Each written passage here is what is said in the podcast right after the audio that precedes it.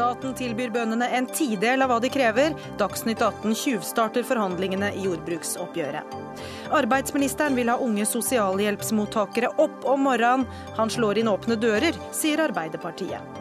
Og nå må Høyre løse OL-floken raskt, mener både Arbeiderparti- og KrF-politikere som møter Høyre til debatt.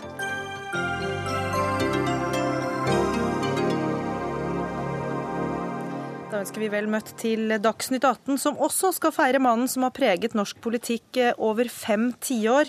I dag fyller han 70 år. Mitt navn er Gry Blekastad Almås. Eh, mange bønder ble i dag provosert over det tilbudet staten eh, la fram i jordbruksoppgjøret. Staten tilbyr altså bare en tidel av det som var kravet til bøndene. Og Merete Furuberg, du er leder av Norsk Bonde- og Småbrukarlag. Hvorfor blir dere provosert? Eh, det er som du sier en tidel av det vi krevde.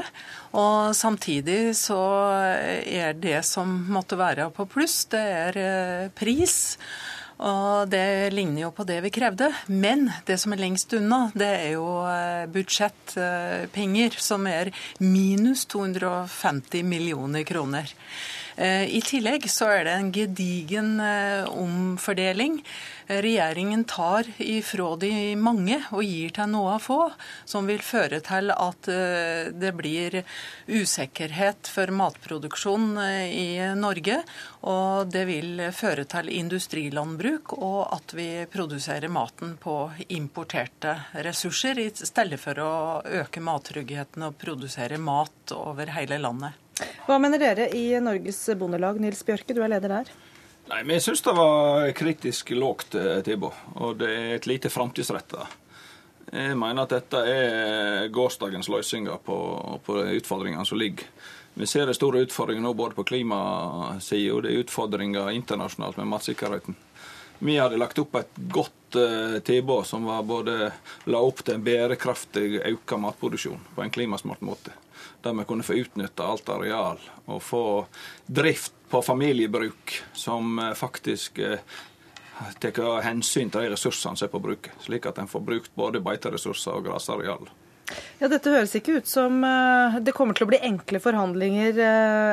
Leif Forskjell, du er da statens forhandlingsleder og departementsråd. Hva har du å gi utover det du har lagt på bordet i dag?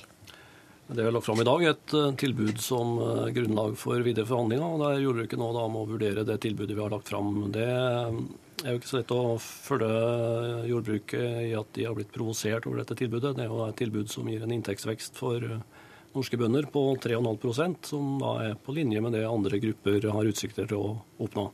Men vi hører jo at de peker på andre utfordringer.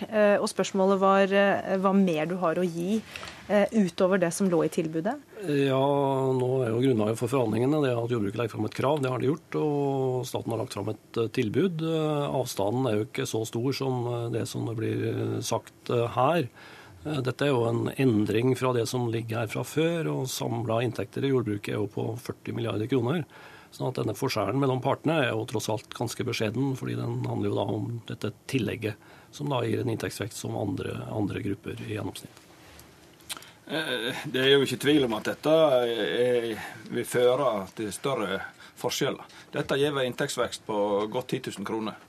Andre grupper er i underkant av 18 000 kroner. Så forskjellene blir større. Og det etter at et samla storting har sagt at lønnsomhet må opp i næringa, og at eh, vi har økt selvforsyning, og at inntekt er et viktig virkemiddel her. Så dette handler faktisk om hva slags landbruk vi skal ha framover. Så selv om du snakker om at uh, dette er lite fremtidsrettet og sånn, så er du heller ikke fornøyd med det som er lagt på bordet i form av kroner og øre? Nei, det gir eh, det Hvis visst forsterka inntektsforskjellen i forhold til andre grupper. Og det etter at et samla storting har sagt at lønnsomhet skal opp i næringa, og at en skal øke matproduksjonen, og at å styrke lønnsomhet er et av de viktigste virkemidlene for å få dette til. Men samtidig så hører vi at Forskjell her påpeker at det er en, en lignende lønnsvekst som andre grupper får. Og Merete Furuberg, skal man bli så provosert av det, da? Eh, når vi da i gjennomsnitt er rundt 200 000 i eh, årsverksinntekt eh, mindre enn andre, og her er det snakk om å øke matproduksjon, og her er det da en gedigen omfordeling. Og hvis vi tar som eksempel her noe som er veldig viktig for matsikkerheten for det norske folket, er jo kornproduksjon. Og kornprisen er det foreslått økt med fem øre, og det er det som tilsvarer da å dekke kostnadsveksten. Det vil si at eh, vi får enda større reduksjon i norsk kornproduksjon og, og større eh, usikkerhet for norsk matproduksjon. La oss ta dette med eh, prisøkning, da. Når staten legger mindre penger på bordet, så må jo da pengene komme inn på en annen måte. Er det vi forbrukere som skal betale det? Ja, Samla har jo eh, tilbudet en positiv ramme med en økning på 150 millioner kroner. Så finansierer vi det med en liten prisøkning som vil tilsvare for en husholdning 140 kroner i året. Så det må sies å være en liten prisøkning. Og så reduserer vi budsjettet litt. 250 millioner kroner høres jo mye ut, men grunnlaget som vi reduserer fra, er 14 400 millioner kroner. 14,4 milliarder kroner. Og Så blir det jo mange tall her kanskje nå, da, men eh, en eh, gjennomsnittlig melkeprodusent i Norge med 24 årskyr får da med dette tilbudet en økning fra sitt nivå på 650 000 kroner i inntekt. Så er det da sånn at man jobber ganske mye på et slikt bruk, beregningsmessig opp mot to årsverk. Men eh, det er da i hvert fall inntekta for en melkeprodusent med 24 årskyr er 650 000 kroner. Det er mange tall som du sier, men du avviser altså at forbrukerne vil få en betydelig eh, fordyret innkjøpsliste? innkjøpsliste. det er veldig mange år siden det har vært eh, snakk om så liten eh, prisøkning som følge av jordbruksoppgjør. Vi snakker om 140 kroner for en husholdning og en kvart prosent med prisindeksen. Mm. Bjørke? Jeg syns det når Leif begynner å dra inn eh, hva et bruk med 24 kyr Og det sier jo litt. Det er altså mer enn to årsverk. Er det arbeidsinnsats som skal til? Da må du leie inn hjelp og gjøre alt for å ta totalen. Det hva bonden sitter igjen med inntekt som her er interessant. Og det er jo, det er jo et godt dømme. da. Han snakker om 24 årskyr. Det vil si ca. 200 000 liter melk. Det er altså to årsverk. Allikevel så vil staten heve maksgrensa for melkekvoter til 1,2 millioner liter. Altså, Da er ikke det mange melkebønder vi trenger i Norge hvis vi skal gjøre det. Vi får mindre bruk av areal. Det blir mer produksjon på importert, importert kraftfôr og mye mindre bruk av beite og ressurser. Så dette er et spørsmål. Skal vi ha et familielandbruk?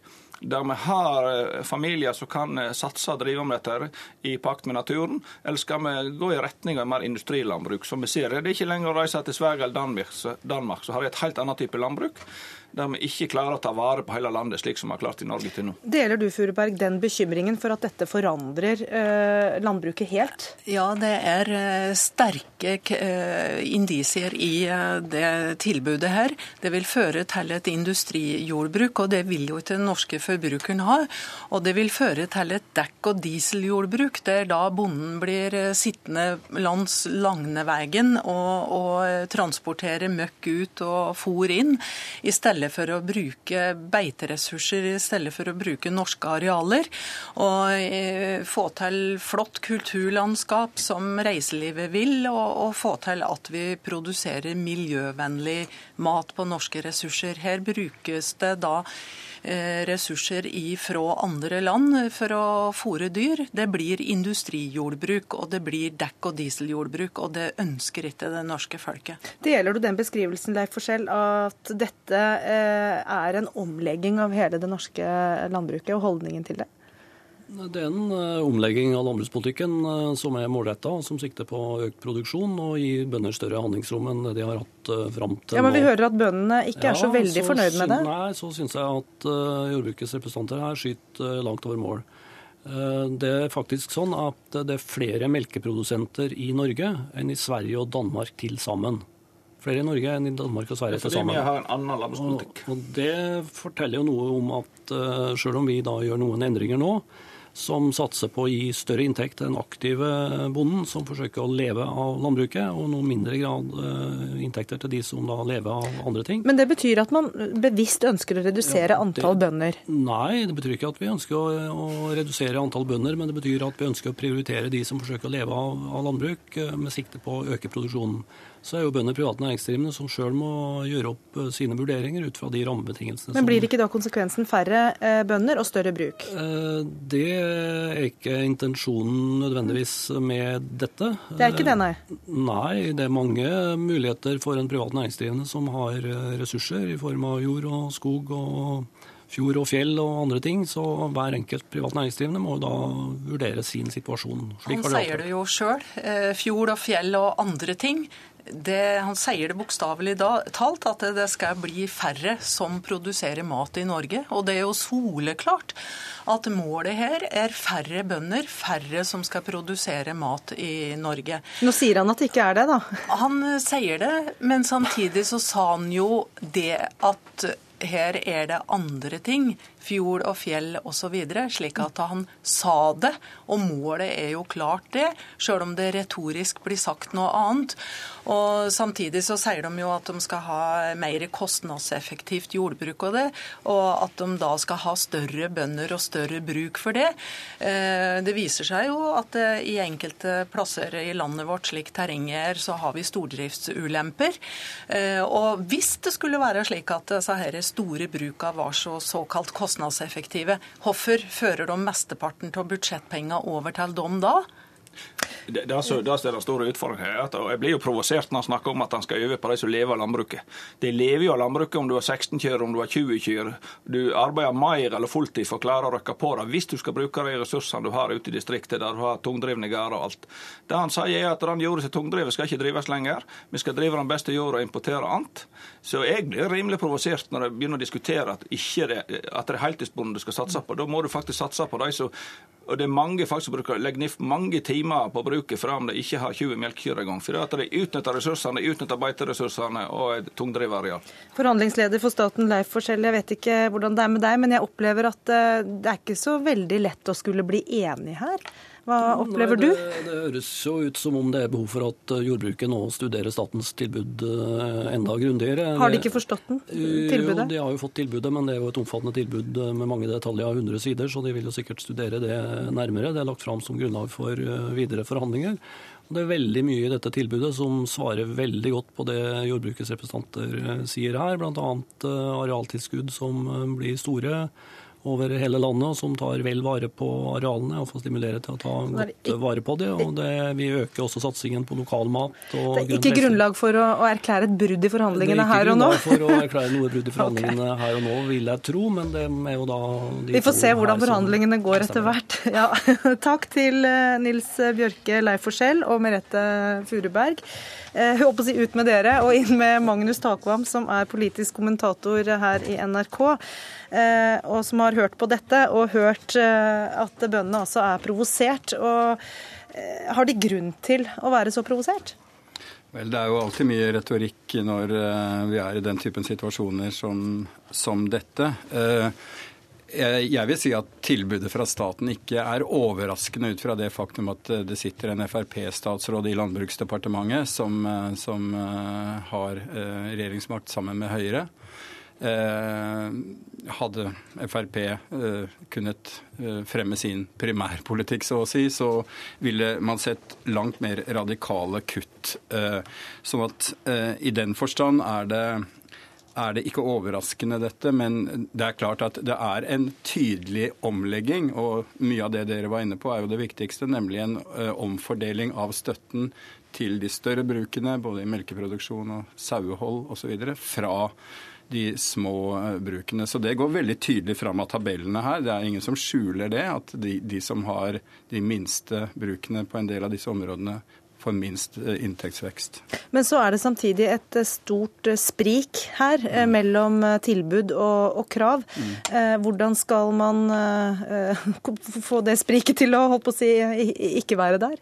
Nei, det, det, blir veldig krevende å få en enighet med så stor avstand. Og en del av eh, Uenigheten dreier seg jo også om uh, hvordan man skal definere utgangspunktet. Altså, uh, Bøndenes organisasjoner krever et kronetillegg som er minst tilsvarende andre yrkesgrupper, mens da staten legger til grunn en prosentvis vekst som er på 3,5.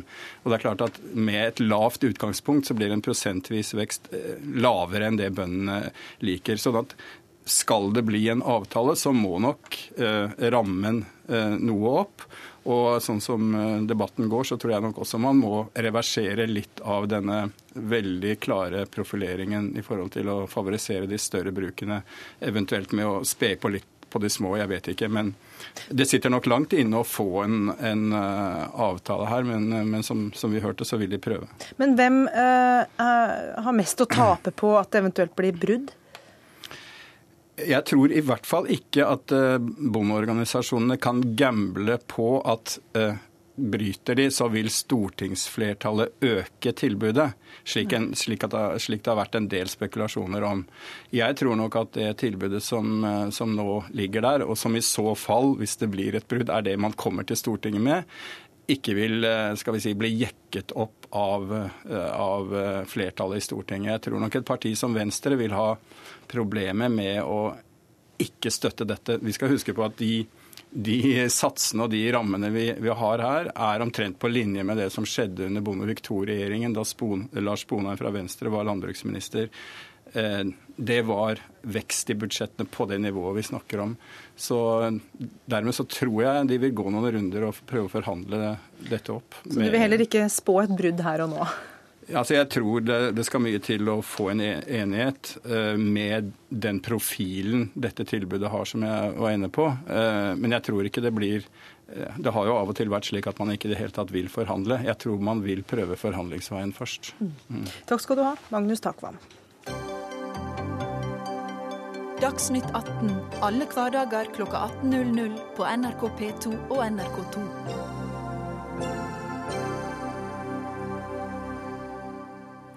Også i dag har eh, blitt en blodig dag i eh, Ukraina, i Øst-Ukraina. Eh, flere ukrainske militære helikoptre skal være skutt ned. Opp mot 30 russiskvennlige separatister skal ha blitt drept i kamper. Bogdan Osyka, du er ukrainsk student, bosatt i Norge, men ja, har, har familie da i disse områdene. Hva forteller de deg?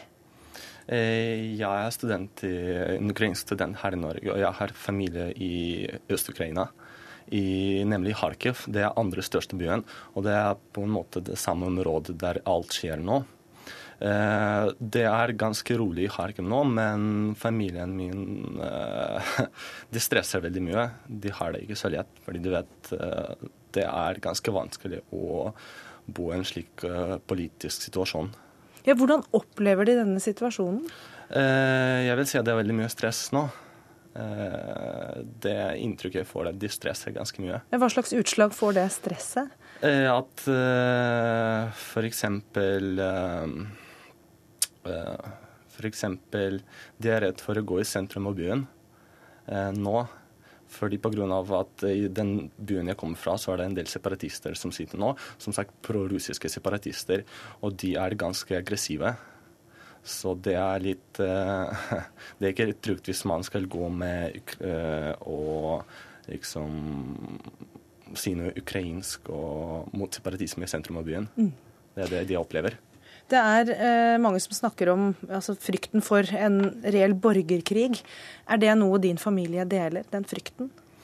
Eh, Altså, eh, det er selvfølgelig frukten, men jeg kan ikke si at det er borgerkrig nå.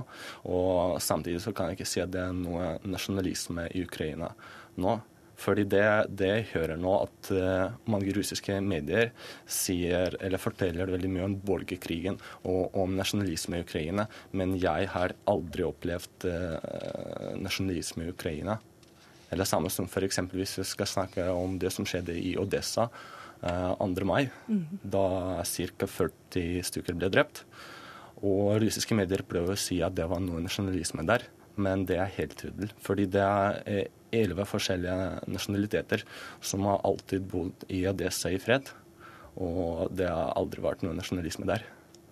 Men eh, som vi har vært vitne til ja. fra, eh, fra TV-ene og radioene eh, og avisene, så, så, er det en veldig veldig vanskelig situasjon, som eh, også har vært eh, tema i dag i Europarådet i Wien, der utenriksministrene mm. har møttes eh, i dag. Også den ukrainske og den russiske. Og europakorrespondent Åse Marit Befring, har de der kommet fram til noe enighet? Det har ikke vært noe enighet mellom Russland og Ukraina. Det, de står veldig langt fra hverandre. Eh, men man ble altså enige om en resolusjon på ministernivå der man fordømmer volden i Ukraina. Eh, Ukraina ønsket jo enda mer. De ønsket at man også skulle fordømme Russlands rolle eh, i dette spillet. Men det viktigste som kom ut av møtet i dag, det var nok at utenriksministre fra over 30 nasjoner i Europa understreket at de støtter dette valget som, eh, som nå skal avholdes den 25. mai, eh, valget på ny president og parlamentsvalget, eh, og at, at Russland nå står ganske alene om å mene at dette valget ikke har legitimitet. Men Ukrains, Ukraina hadde jo sagt på forhånd at de ønsket en tydeligst mulig uttalelse. Mener du at den uttalelsen som kom, var det tydelig nok? Den var nok langt svakere enn det de ønsket. For de ønsket jo da en tydelig fordømmelse av Russland. Det fikk de ikke, fikk de ikke og grunnen til det var at man fryktet for at uh, dette møtet ville kollapse i fullt kaos hvis russerne da skulle ønske en slags motresolusjon for forsvar av russiske minoriteter, ikke bare i Ukraina, men også i de baltiske landene. Eh, så nå har man også tidligere da i Europarådet fordømt Russlands annektering av Krim. Så Eh, man har jo vært tydelig mot eh, russerne i Europarådet tidligere. Nå ønsket Ukraina dette på ministernivå. Eh, men i stedet så, ble det lagt mye vekt på nå å se frem mot dette valget. Ja, og Hvorfor er det så viktig eh, å gjennomføre valget i en situasjon eh, hvor landet er så betent? Ja, Det er viktig fordi at regjeringen i Ukraina skal få den legitimiteten den trenger for å gjennomføre politiske og økonomiske reformer. Eh, dette er jo da reformer som skal knytte landet tettere til EU, men som også skal sørge for at man får bukt med den korrupsjonskulturen som gjennomsyrer Ukraina. Mm. Eh, slik at de også kan få lån fra IMF, USA og EU. Altså det er veldig mye som skal til før man får, eh, får dette samarbeidet på plass. Og Samtidig så er det jo litt som det har vært uttrykt for nå. altså Man ønsker jo ikke en situasjon der man får Eh, tilspissede fronter der folk i Ukraina må velge side, og, da, og, at man da kommer enda et steg nærmere borgerkrig. Så man mener at det å gå til valg nå og gi regjeringen legitimitet, det er en måte å få bukt med denne volden og uroen på. Og Da er jo spørsmålet om Russland kan leve med denne uttalelsen, Hans-Wilhelm Steinfeld, Moskva-korrespondent? Ja, for russerne er nok problemet et annet, nemlig det at uh, den 25. mai så er det ikke bare valg på parlament og president, men også en folkeavstemning i Ukraina som uh, legger ut spørsmålet uh, om landets udelelighet. Myndighetene i Kiev mener å vite at 70% av de russerne som fremdeles bor i Ukraina, og det er 9 millioner, at 70% av disse fortsatt ønsker å forbli medlemmer av den ukrainske stat. Dersom dette kommer til uttrykk i en folkeavstemning, f.eks. kontrollert av av OSSE-observatører, så er russerne påført et kolossalt politisk nederlag i Ukraina. For de brohodene de har for uro i, i sørøst-Ukraina, er ganske små byer av type slaviansk. Men Odessa er blitt et stort problem. På russisk TV i kveld så meldes det at dødstallene kan øke fra 40 til 80, for det ligger rundt 40 uidentifiserte lik på likhuset i Odessa, som trolig omkom i fagforeningshuset da det brant 2. mai. Men hvis Russland da eh, har så mye å tape eh, på dette presidentvalget, som, som eh, også vil vise noe mer, som du sier, hva er da holdningen eh, til et valg? Ja, Russerne fordømmer det, eh, men Russland er nå i en situasjon hvor det er vondt å bli sint når ingen blir redd. Eh, det er ikke noen løsning for Russland å gå ut av Europarådet. Russland Russland ble selv suspendert fra Europarådet i 2001 for sin ville fremferd i Tsjetsjenia. Og stort annet enn Europarådet har ikke Russland. Også der er de isolert som i OSSE. Så hvis ikke Russland så å si også formelt og tydelig for alle her i Russland skal bli eh, skal vi si, en stat plassert i den europeiske skammekrok, så må de holde seg i Europarådet. Eh, Bogdan Osika, eh, hva slags løsning ser du på situasjonen? På den situasjonen som er akkurat nå? Det eneste løsningen er et valg. Ja, som, Så du er glad for den uttalelsen som er kommet fra Europarådet? Ja, det er det eneste alternativ som vi har i dag. Fordi vi må legitimisere den regjeringen vi har i Ukraina. Ikke sant? Hvis Ukraina og ukrainere vil uh, få seg nærmere med Europa, da må de uh, signere alle de avtalene med assosiasjon med Europa. Og da må vi først og fremst legitimisere regjeringen som vi har i Ukraina nå. Så det er den eneste løsningen.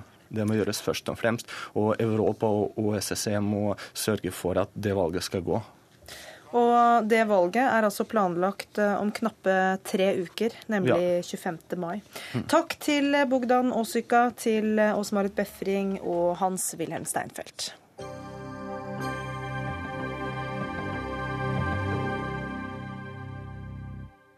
Alle har en mening om ham. Han er hatet og han er elsket. Om litt gratulerer vi Carl I. Hagen med 70-årsdagen her i Dagsnytt 18. Men først, arbeids- og sosialminister Robert Eriksson vil ha unge sosialhjelpsmottakere opp av senga om morgenen.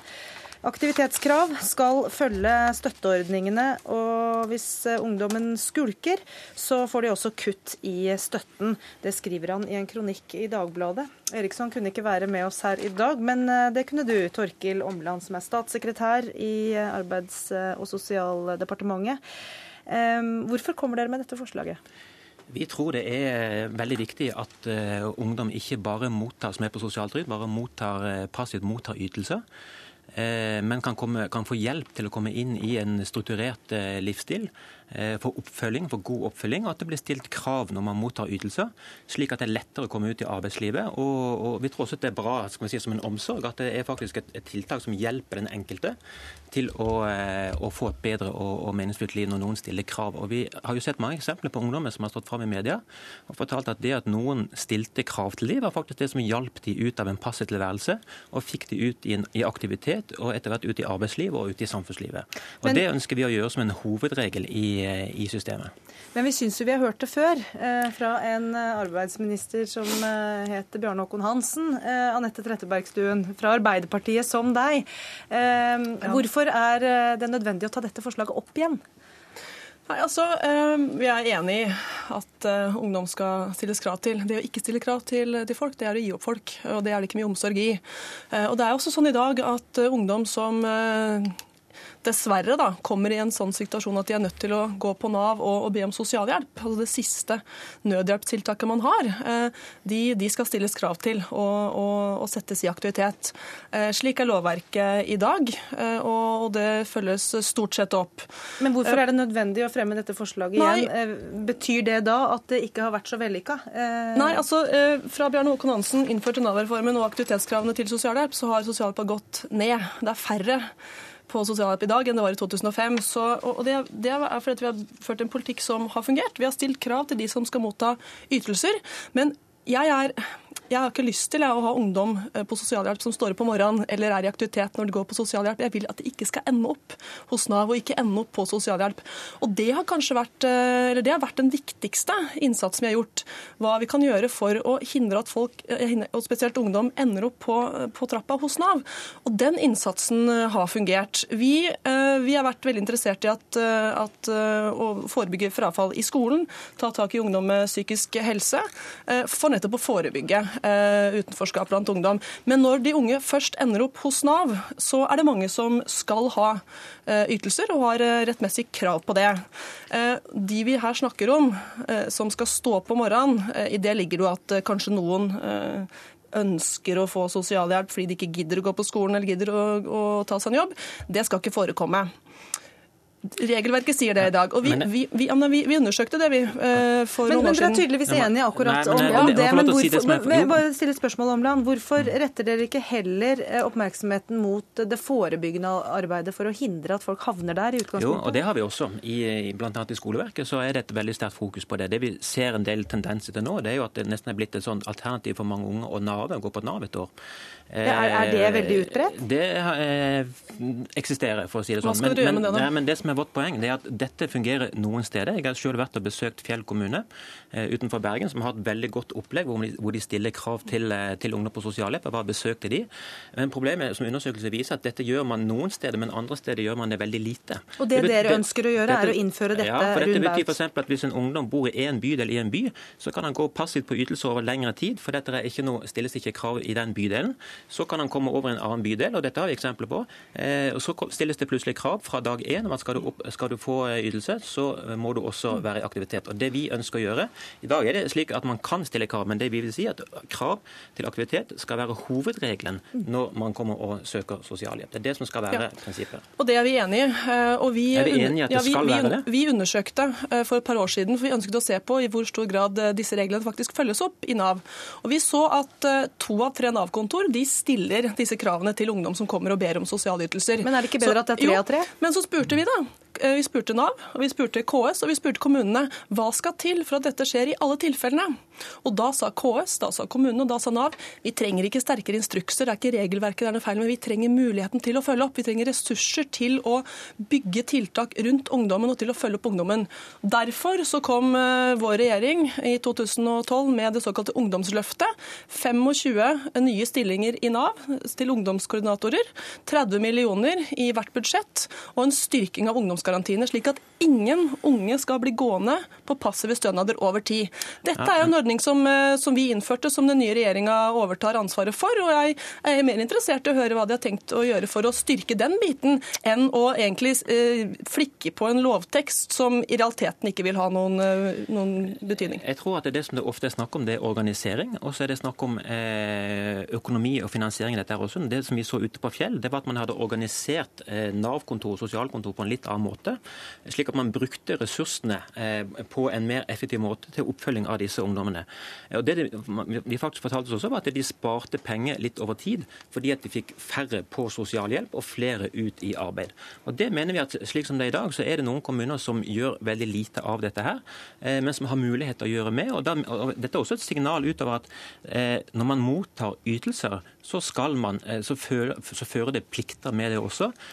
Og det mener vi i seg selv er, er et veldig sunt forhold å ha til det. At skal du motta ytelse, så skal du også være med og bidra, og det stilles krav til aktivitet. Absolutt, men det regjeringa her tar til orde for, er, vil ikke ha noen reell endring fra dagens lovtekst. Eh, Jo. Men det regjeringen, det regjeringen gjør, er jo de er opptatt av å være tøffe i kronikker eh, og drive med symbolpolitikk, men tar ikke tak i det som virkelig vil få ungdom Men, opp om morgenen. men men nå, sier han, jo, nå sier han at de både satser på forebyggende arbeid, og de ønsker at eh, alle skal innføre noe som du er enig i at fungerer bra der Jeg det fungerer. jeg har ikke hørt hva regjeringa vil gjøre for å få ungdom ut i arbeid. Vi la fram en stortingsmelding i august i fjor. En melding for å få flere folk i arbeid, der vi bl.a. beskriver hvordan man kan lage en strategi for å få flere unge i arbeid og aktivitet. Den trakk regjeringa i oktober. Fortsatt har vi ikke hørt et eneste ord om hva arbeidsministeren har lyst til å gjøre på dette feltet. Jo, Men det nå kan vi få- om. det. får vi høre et til, da? Ja, og blant annet det vi snakker om her, det kommer det forslag om nå som en del av meldingen. Dette er, og det, grunnen til at vi trakk den meldingen, var fordi at det var mye, eh, en del av virkelighetsbeskrivelsen vi kunne være, kunne være enig i, men det var lite konkrete tiltak i meldingen. Men da kommer du med flere da konkrete tiltak, Og dette er ett av de konkrete tiltakene vi kommer. Vi kommer med, flere, vi kommer med flere andre tiltak også, konkret etter hvert. Da kommer jeg til å støtte Eh, dem. ja, men, eh, men dette er ett av de tiltakene vi gjør, og det innførte ikke dere. Eh, Vi innfører det. Bjarne Håkon Hansen var høyt på banen og snakket om at man skulle stå opp om morgenen, men vi innfører dette som en hovedregel. Det gjorde ikke den rød-grønne Vi førte en politikk for å forebygge. Det er færre sosialklienter i dag enn det var da vi tok over i 2005, fordi Jo, vi forebygde. Dette Vi- er også en, foreby også en forebyggende effekt. Nav-kontorene skal stille krav der det er hensiktsmessig i dag. Det regjeringen nå tar til orde for i lovendring lovendring der vil ikke ha noen praktisk eh, Jo, det vil betydning. jeg ha. Det vil for i Men du sier nå at du kommer med flere konkrete tiltak, som Trettebergstuen sier hun vil støtte. Men Ja, hvilke det jo, eh, tiltak det var er hyggelig det? at- det var hyggelig at du sa det er før vi vi hadde sagt tiltakene. Men kan du fortelle oss om de tiltakene? Nei, Det kommer vi med før, eh, før sommeren, men det går på arbeidsmarkedstiltak. Som vi, der vi vil gå gjennom systemet, forenkle systemet, gjøre det mer effektivt, mer resultatorientert. Vi ser i dag at det er veldig mange tiltak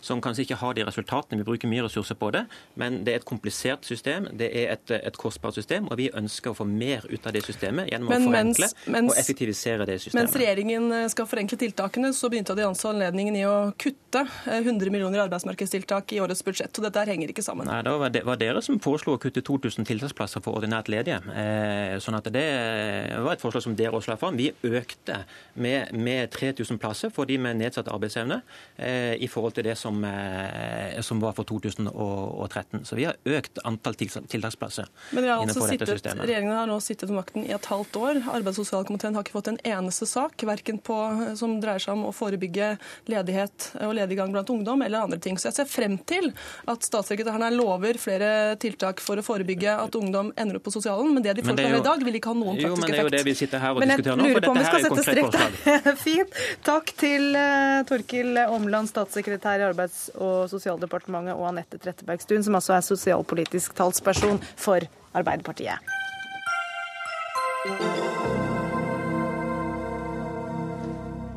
Og som de fleste har fått med seg, så kommer altså Tibets åndelige leder eh, til Oslo i morgen tidlig på et tredagers besøk.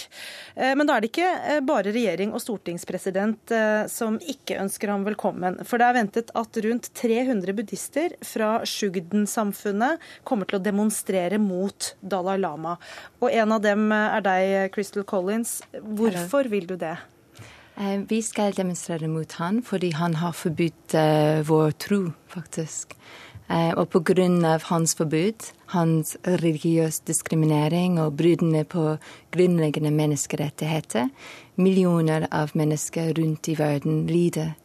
Og, og hvis vi ikke gjør noe, denne lidelsen skal fortsette. Eh, Men du snakker om brudd på menneskerettigheter og diskriminering mm -hmm. eh, på bakgrunn av tro. Dere er begge buddhister, men da i Mhm. forskjellig retning. Kan du forklare hva disse bruddene skal gå ut på?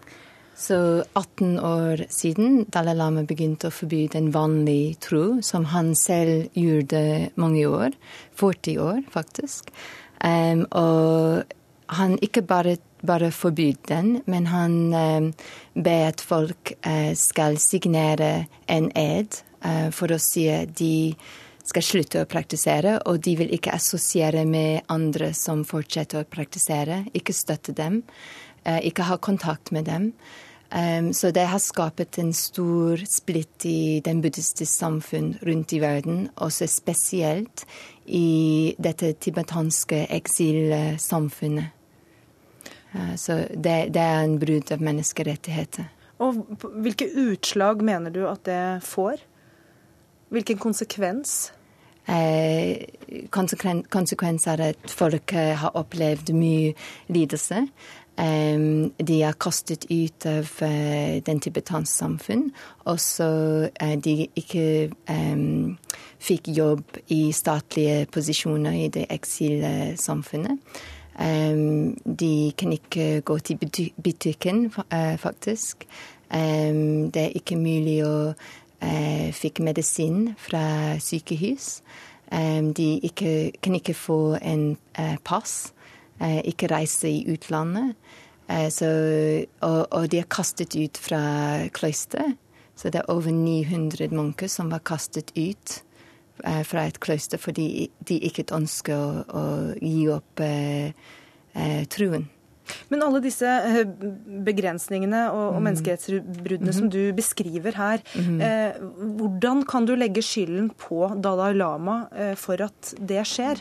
Ja, fordi han eh, de, den, Dette forbud kommer direkte fra han. Og han, eh, han ber om folk å gi dette praksis opp i mange, mange tider. Spesielt i den monastiske kløster i eh, den tibetanske eksilsamfunn, men også i annet sted, også her i vestlige land. Så her i vestlige land vi er også diskriminert mot. Um, jeg er ikke velkommen i den buddhistiske samfunn. Um, det er munker og nonner som vil ikke snakke med meg pga. min tro. Uh, så det, det, de sier dårlige ting om oss. Men vi har ikke forandret noe. Vi har bare fortsatt med en veldig gammel praksis. Det er over 400 år gammel. Og Dalai Lama selv gjorde det eh, før Mm. Men pga. denne situasjonen så skal dere da demonstrere når han eh, kommer i morgen. Mm. Uh, så du sier gjerne fra hva du mener, men du ønsker ikke å møte andre buddhister til debatt. Hvorfor ikke det? Ja, vi, vi, vi, vi ønsker bare å diskutere direkte med Dalai Lama. Fordi han har skapt dette problemet, og han kan løfte um, denne forby. Um, vi ikke ønsker å ha noen problemer med andre buddhister. Um, vi er fredelige, vi har ikke støttet med Kina og andre ting. Um, så vi ønsker å diskutere direkte med Dalai Lama. Um, vi føler det er ikke meningsfylt å krangle med andre. Ok, Men Dalai Lama kommer ikke før i morgen, så da har vi i stedet fått på plass Egil Lote, som er forstander i Buddhistforbundet i Norge. Og da sier vi takk til Crystal Collins. Du har hørt på anklagene som kommer her. Hva eh, sier du til det? Altså det som jeg vil si, det er jo at eh, Dalai Lama har jo også ytringsfrihet og trosfrihet. Og han eh, har jo da forholdt seg kritisk til enkelte sider ved tibetansk eh, praksis, bl.a. denne kultusen av en ånd som det knytter en del negative holdninger til andre sekter til. Men det vi hører om her, er jo regelrette brudd på menneskerettighetene. Eh, med folk som nektes eh, pass, som eh, ikke får jobber osv. Altså diskriminering direkte. Hva sier du til de alvorlige påstandene? Altså her tror jeg nok vi må rydde opp i begrepene. Vi snakker om et flyktningesamfunn i India. Tibetanerne har ikke en egen stat. Så det som har skjedd, er jo at mange følger Dalai Lamas eh, veiledning. Noen gjør det ikke. Noen velger å fortsette denne eh, praksisen, og det, det kan de selvfølgelig gjøre. Men stemmer det at Dalai Lama eh, forbyr eh, denne delen av eh, buddhismen, og oppfordrer til at man skal behandle dem på den måten vi har fått beskrevet her? Eh, jeg tror at de, de, lager et bilde som ikke uten videre samsvarer med virkeligheten, som en må se kritisk på. Hva er virkeligheten, da? Virkeligheten er nok mye mer sammensatt. Virkeligheten er nok den at, at det som utgangspunkt er en teologisk diskusjon eller konflikt innenfor én retning har blitt en eh, større sak i det tibetanske eksilsamfunnet. Jeg forstår at det er utgangspunktet, men kan det få de konsekvenser eh, vi nettopp har fått beskrevet? Altså det, det jeg tror vi har sett, det er rett og slett uh, uvennskap og konfrontasjoner mellom tibetanere i India pga. denne disputten. At uh, vi, vi, får en, uh, du kan si, en hard kjerne av tilhengere som da ikke ønsker å gi opp denne praksisen, og det har de full rett til ikke å gjøre. Men uh, samtidig så ser vi jo at uh, språkbruken har blitt uh, skrudd opp og, og, egentlig ikke så veldig konstruktiv. spesielt da fra denne gruppen sin side. Det vil vi antageligvis oppleve og høre i, i morgen og de andre dagene. Og Det er veldig synd, fordi at eh, det marginaliserer jo gruppen enda mer i forhold til det tibetanske eksilsamfunnet. Altså De reagerer selvfølgelig når deres eh, leder blir beskrevet med veldig nedsettende adjektiver. Men sånn kanskje at, er det viktig også at de nyansene kommer på bordet? Altså Det er bra at alt kommer på bordet, at, at, at vi ser på, på, på dette her. Eh, vi syns ikke det er bra at, eh, at, det skjer en slags politisering i, i, det tibetanske miljøet eh, rundt denne konflikten. Altså, dette er egentlig noe som foregår i eh, klostersamfunnene i en munkorden. Men i morgen så foregår det i Oslos gater når hovedpersonen selv kommer til Norge i morgen tidlig. Takk skal du ha, Egil Lote, forstander i Buddhistforbundet i Norge. Hør Dagsnytt 18 når du vil. Radio NRK Radio.nrk.no.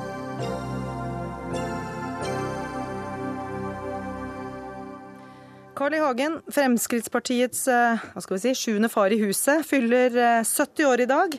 Og I ettermiddag har det vært stor mottakelse i Oslo rådhus. og Etter hva jeg forstår, så er du der fortsatt, eh, Carl I. Hagen. Gratulerer med dagen. Tusen, tusen takk. Det har vi nettopp avsluttet, så nå er vi på vei utover. Ja, føler du deg som en 17, unnskyld, 70-åring? Nei, jeg gjør ikke det. For da jeg vokste opp, så var 70 år det var gamle folk. Jeg føler meg ikke som noen gammel, gammel mann. men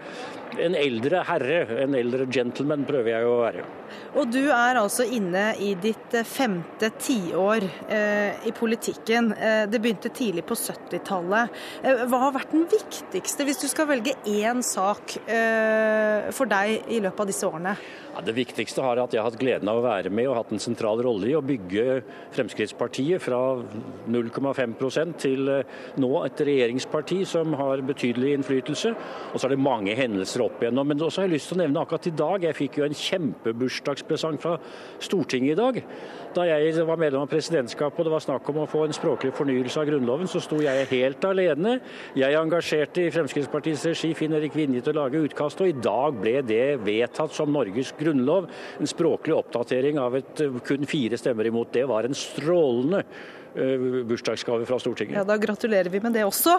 Eh, men eh, du nevnte at du har bygd opp partiet til å nå havne i regjering, men du havna ikke i regjering. Er du bitter for det? Nei, overhodet ikke. Overhodet ikke.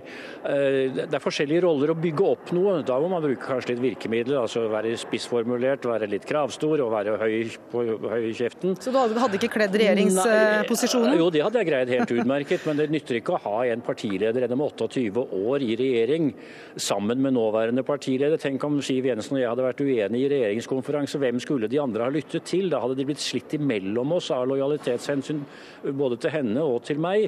Så hun gjorde det riktig når hun ikke tok meg med i regjering. Det ville vært en veldig vanskelig situasjon hvor hun og jeg kunne vært uenige. Så gjorde det som var riktig, selv om jeg selvsagt personlig skulle hatt veldig lyst til å være, være, statsråd. Men hvordan opplever du det, da, å ha mistet støtte i partiet? Vi så det jo senest nå i helgen da det var landsmøte, og, og Siv Jensen fikk med seg partiet på eh, avstemningen mot et OL i Oslo.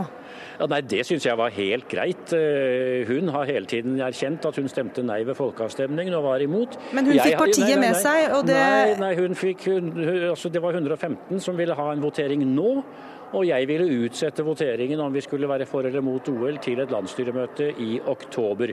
Jeg har ikke signalisert at jeg er for OL, men jeg vil gjerne vite litt mer før jeg tok den endelige avgjørelsen. Okay. Så den var helt grei. 115 mot 99. Det var, partiet var delt på midten, og det respekterer vi fullt ut. Veldig fint at Fremskrittspartiet viste at det er landsmøtet som bestemmer. Det var jeg glad for. Det var liksom eh, dagens politikk, men du er jo kanskje den politikeren som oftest blir konfrontert med eh, tidligere uttalelser.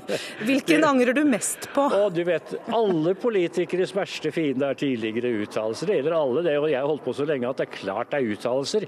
Men det er ikke så mange jeg angrer på. fordi hvis du ser uttalelsene i den tiden de ble sagt, i den politiske situasjonen de ble sagt i 1987 eller 1985, så var det fornuftig. Men det er klart i ettertid samfunnet har endret seg dramatisk. Men det er jo ikke alle som opplevde alle uttalelser fornuftig i den tiden heller. Vi skal ta deg raskt med tilbake til 1989 og en uttalelse du kom med om alenemødre. Ja de må begynne å bære en større del av byrdene, og ikke så lett velte regningen over på sine naboer, skattebetalere, som nå betaler så mye skatt og avgift at de knekker sammen, bl.a. for å holde andre som ikke gidder å gjøre en innsats, i, omtrent til den samme levestandarden. Og sammenligner vi med minstepensjonister, så er det veldig mange av denne gruppen med lettsindige uansvarlige enslige forsørgere som har det langt bedre på skattebetalernes regning, og det syns jeg er urettferdig lettsindige og uansvarlige. Står du for disse uttalelsene ja, ja, fremdeles? Ja, selvsagt. For det var, det var, ikke alle alenemødre jeg snakket om. Masse alenemødre som er blitt alenemødre av helt andre grunner. Men jeg snakket om en liten gruppe.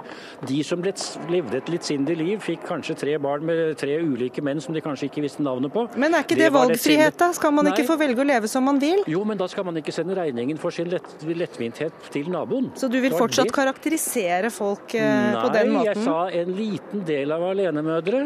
Uh, var det jeg snakket om. Og Der må vi ikke ha et system hvor de som står på og sliter, får en dårligere levestandard enn de som bare lever på offentlige ytelser.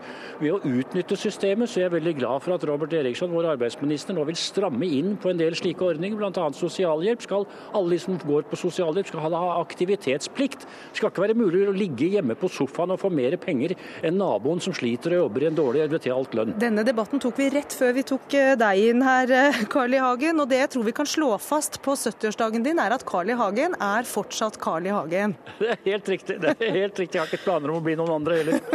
det er godt å høre. Og så vet jeg at du skal fortsette feiringen nå i kveld, og kos deg masse med det. Og takk for at du var med hos oss. Tusen takk skal du ha.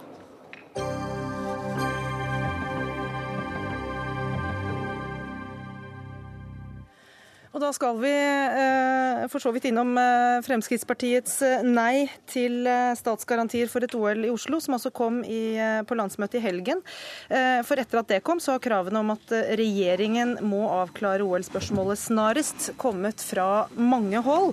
Bl.a. fra deg, Hans Olav Syversen, Kristelig Folkeparti-politiker og leder for finanskomiteen i Stortinget. Hvordan mener du Fremskrittspartiets vedtak har endret denne saken? Det syns jeg i grunnen sier seg selv. Et av regjeringspartiene har bestemt seg. Dermed er loddet kastet eh, fra Fremskrittspartiet. Og da er vi i en situasjon hvor jeg tror Stortinget har behov for å få regjeringens eh, syn ganske snart. Så eh, det er satt i gang en prosess av et av regjeringspartiene. Da tror jeg også regjeringen så fort som mulig må avslutte den prosessen. Og Saken ligger nå på kulturministerens eh, bord. Hun kunne ikke være med oss i dag, eh, men vi har med oss Svein Harberg eh, fra Høyre, som leder familie- og kulturkomiteen. Og Hva gjenstår for at Høyre også kan fortelle omverdenen om sitt ståsted i forhold til et OL i Oslo? Ja, Det er noen sentrale ting som gjenstår. Det første er jo at vi får avklart hvem som skal betale hva i forhold til investeringene her. For det vet vi ikke ennå. Det foregår forhandlinger mellom staten og arrangørkommunene, da hovedsakelig gjennom Oslo kommune, eh, der en skal dele på regningen i forhold til investeringene. Og, og det svaret er vi jo nødt til å ha før vi vet hva dette vil koste oss. Men når Fremskrittspartiet kan si nei til statsgarantier, hvorfor kan ikke Høyre? Ja, nå var klare råd, Mitt klare råd til Fremskrittspartiet at de òg skulle vente til de hadde fått alle svarene. og Det var jo det som var den første diskusjonen på landsmøtet, som var ganske eh, jevnt. Men de gjorde skulle, ikke det, da? De nei, kom med sitt de, de tok sin avgjørelse nå. Vi er veldig tydelige på i Høyre at vi vil ha disse svarene på bordet. Både i forhold til kostnadsfordelingen, i forhold til en del ting vi har utfordra søkerkomiteen på i forhold til gjenbruk av tidligere anlegg, og i forhold til en del kostnader som eh, har vært diskutert, hvordan de fordeles. Ja, Syversen, Er det ikke en ærlig sak å, å gjøre et grundig arbeid før man tar en beslutning? Jo, og Stortinget trenger det. Men nå er det også sånn at eh, søknaden som sådan eh, har jo blitt gjennomgått og kvalitetssikret bl.a. av Veritas.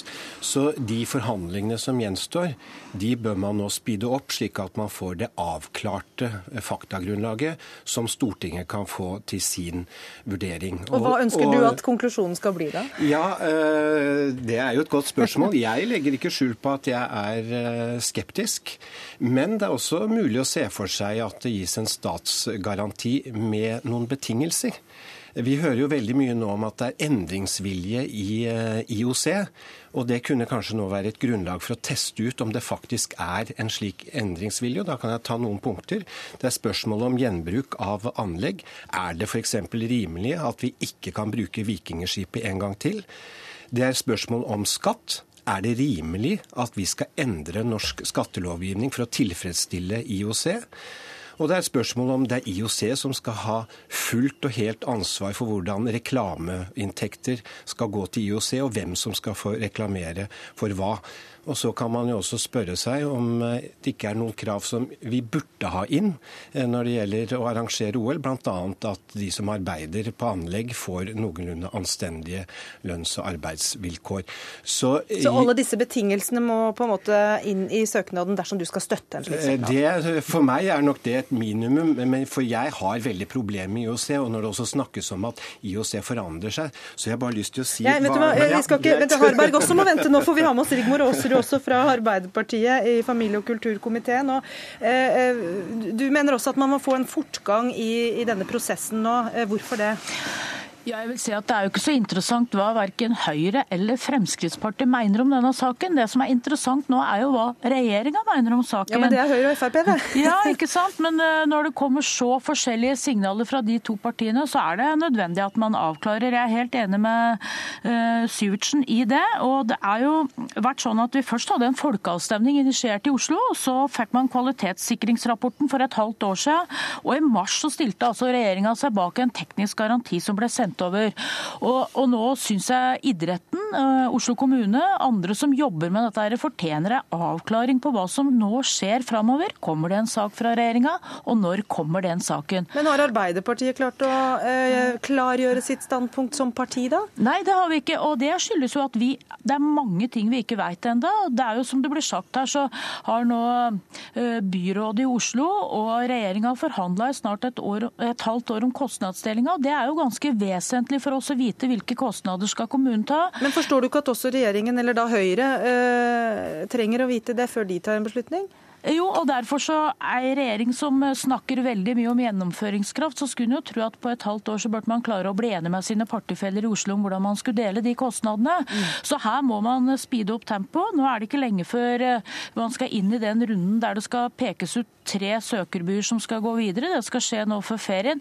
Og det ville jo være ganske rart om vi nå uh, først lot Oslo kommune være med på den uh, galeien, og så kommer regjeringa og sier nei til statsgarantien etterpå. Ja, Svein Harberg, tar ikke denne prosessen nå så mye tid at det også koster veldig mye penger? Er ikke alle tjent med å få avklaringen på bordet fortest mulig? Vi vil gjerne ha en rask avklaring, men vi må gjøre en grundig jobb. Og nå har vi utfordra både statsråden i, i denne dialogen med Oslo kommune. Og noen av oss på Stortinget har utfordra søkerkomiteen på en del ting. Vi har utfordra dem på akkurat det som Syvertsen tar opp, med gjenbruk av arenaer fra tidligere. Det har gjeldt både Vikersund og det har gjeldt eh, skøytearenaen. Eh, sånn at, at, det har de lovt at vi skal få svar på. Det har vi venta på. Det har jeg senest i går purra på, så det skal vi få på plass. Så skal vi ha et møte med lederen for IOC, VARK. Han kommer til Norge 19. mai. Da skal vi få svar på en del av de tingene som gjelder IOC, deres rolle og hva de bidrar med. Ja, er det aktuelt å stille så uh, klare Også, krav som Syversen har foreslått? Ja, altså det, vi, når, når, staten er med og finansierer dette, så kan vi òg stille krav knyttet opp mot den finansieringen. Men først må vi ha disse svarene. Og jeg kan love både Rigmor Aasrud og Hans Olav Syversen at dette har vi press på, dette jobber vi fort med. Ja, Når kommer det da? Og jeg håper, og det, det var det jeg skulle si nå, jeg håper at vi veldig fort kan si når vi regner med å komme med en avklaring. For det er jo det første. Da har vi det å forholde oss til. Eh, det har Oslo kommune òg sagt, at når de bare får et svar på det, så forholder de seg til det. Prekvalifiseringen er jo i gang. Den sa vi jo ja til forrige gang, så den går sin gang uansett. Ja, Hva mer kan man vente ja, nei, Jeg syns dette er oppløftende, det Harberg sier. For han, eh, han sier jo nå at vi må sette press på de som faktisk skal komme med en anbefaling, eh, og det er til syvende og sist eh, regjeringen. Så er det et paradoks at søkerkomiteen søkekomiteen da bruker så lang tid på å svare på spørsmål fra to eh, viktige partier i dette, Fremskrittspartiet og Høyre. Ganske gode spørsmål, vil jeg si. Og det har man eh, latt gå veldig lang tid før man har tatt eh, tak i. Så jeg håper jo at Harberg tar noen telefoner ja, etter at sendingen er slutt. Så kan jo det være en god start for å få en avklaring. Jeg tror det har vært en stor fordel å komme et godt steg lenger før sommeren. Ja, Aasrud, er du beroliget litt av det Harberg her sier? Nei, jeg er i grunnen ikke det. For dette avtalen avtalene med de andre kommunene, selv om det var enklere avtaler, ble jo gjort for lenge, lenge siden. Og her sitter altså Høyre på begge sider av bordet, og her må man bare uh, altså Det er jo veldig rart at man ikke har uh, speeda opp den prosessen tidligere. Da, Men han man, har purra, sier han jo. Ja, da betyr jo at Harberg ikke kan ha mye gjennomslag hos sine egne, da, hvis han ringer og det ikke skjer noe. Så jeg får håpe at uh, kulturministeren hører på Harberg nå og sørger for at man får avklart det som skal avklares, og at kulturministeren sammen med Eh, statsministeren avklarer om det kommer en sak. Eh, det er jo det som er det spennende nå, når halve regjeringa skal ta dissens. Ja, Nå er det bare nå i helgen Frp har gjort dette vedtaket, og da skal vi gjøre en grundig vurdering på hvordan fremdriften skal være. Men har det vedtaket svarene. i Fremskrittspartiet endret uh, tempo her? Vi har presset på i denne prosessen hele tiden og kjører den tempoplanen videre. Det, har, det er ingenting i den som er forsinkelser. Vi har pressa på, og vi har pressa på på svar fra de forskjellige. Så har vi respekt for at når vi skal snakke med IOC, så kommer ikke de springende opp her dagen etter vi har sendt brev. Det har vært planlagt over lang tid. Nå kommer vakt den 19. mai. Da får vi en del eh, svar der. Og da skal vi òg Oslo møte IOC og få en del svar. Ja, eh, Når IOC-presidenten kommer, så er det jo ganske mye man må svare for. F.eks. det siste utspillet fra IOC. Hvem er det som skal lede komiteen som skal se på søkebyen i 2022? Jo, det er Aleksandr Sjukov, tidligere visestatsminister under Putin. Og da skal altså Putins mann undersøke om en av søkebyene, som er i Ukraina, er god nok. Det sier meg litt at IOC har fortsatt en veldig lang vei å gå. Men så har Bach sagt at eh, når Norge arrangerer det, da kommer vi tilbake til røttene. Det tar vi han på ordet på. Takk til Svein Harberg, Hans Olav Syversen og Rigmor Aasrud. Det var det vi rakk i Dagsnytt 18 denne tirsdagen. Ansvarlig for sendingen var Dag Dørum, teknisk ansvarlig Karl Johan Rimstad. Og i studio sitter Gry Blekastad Almås. Takk for i dag.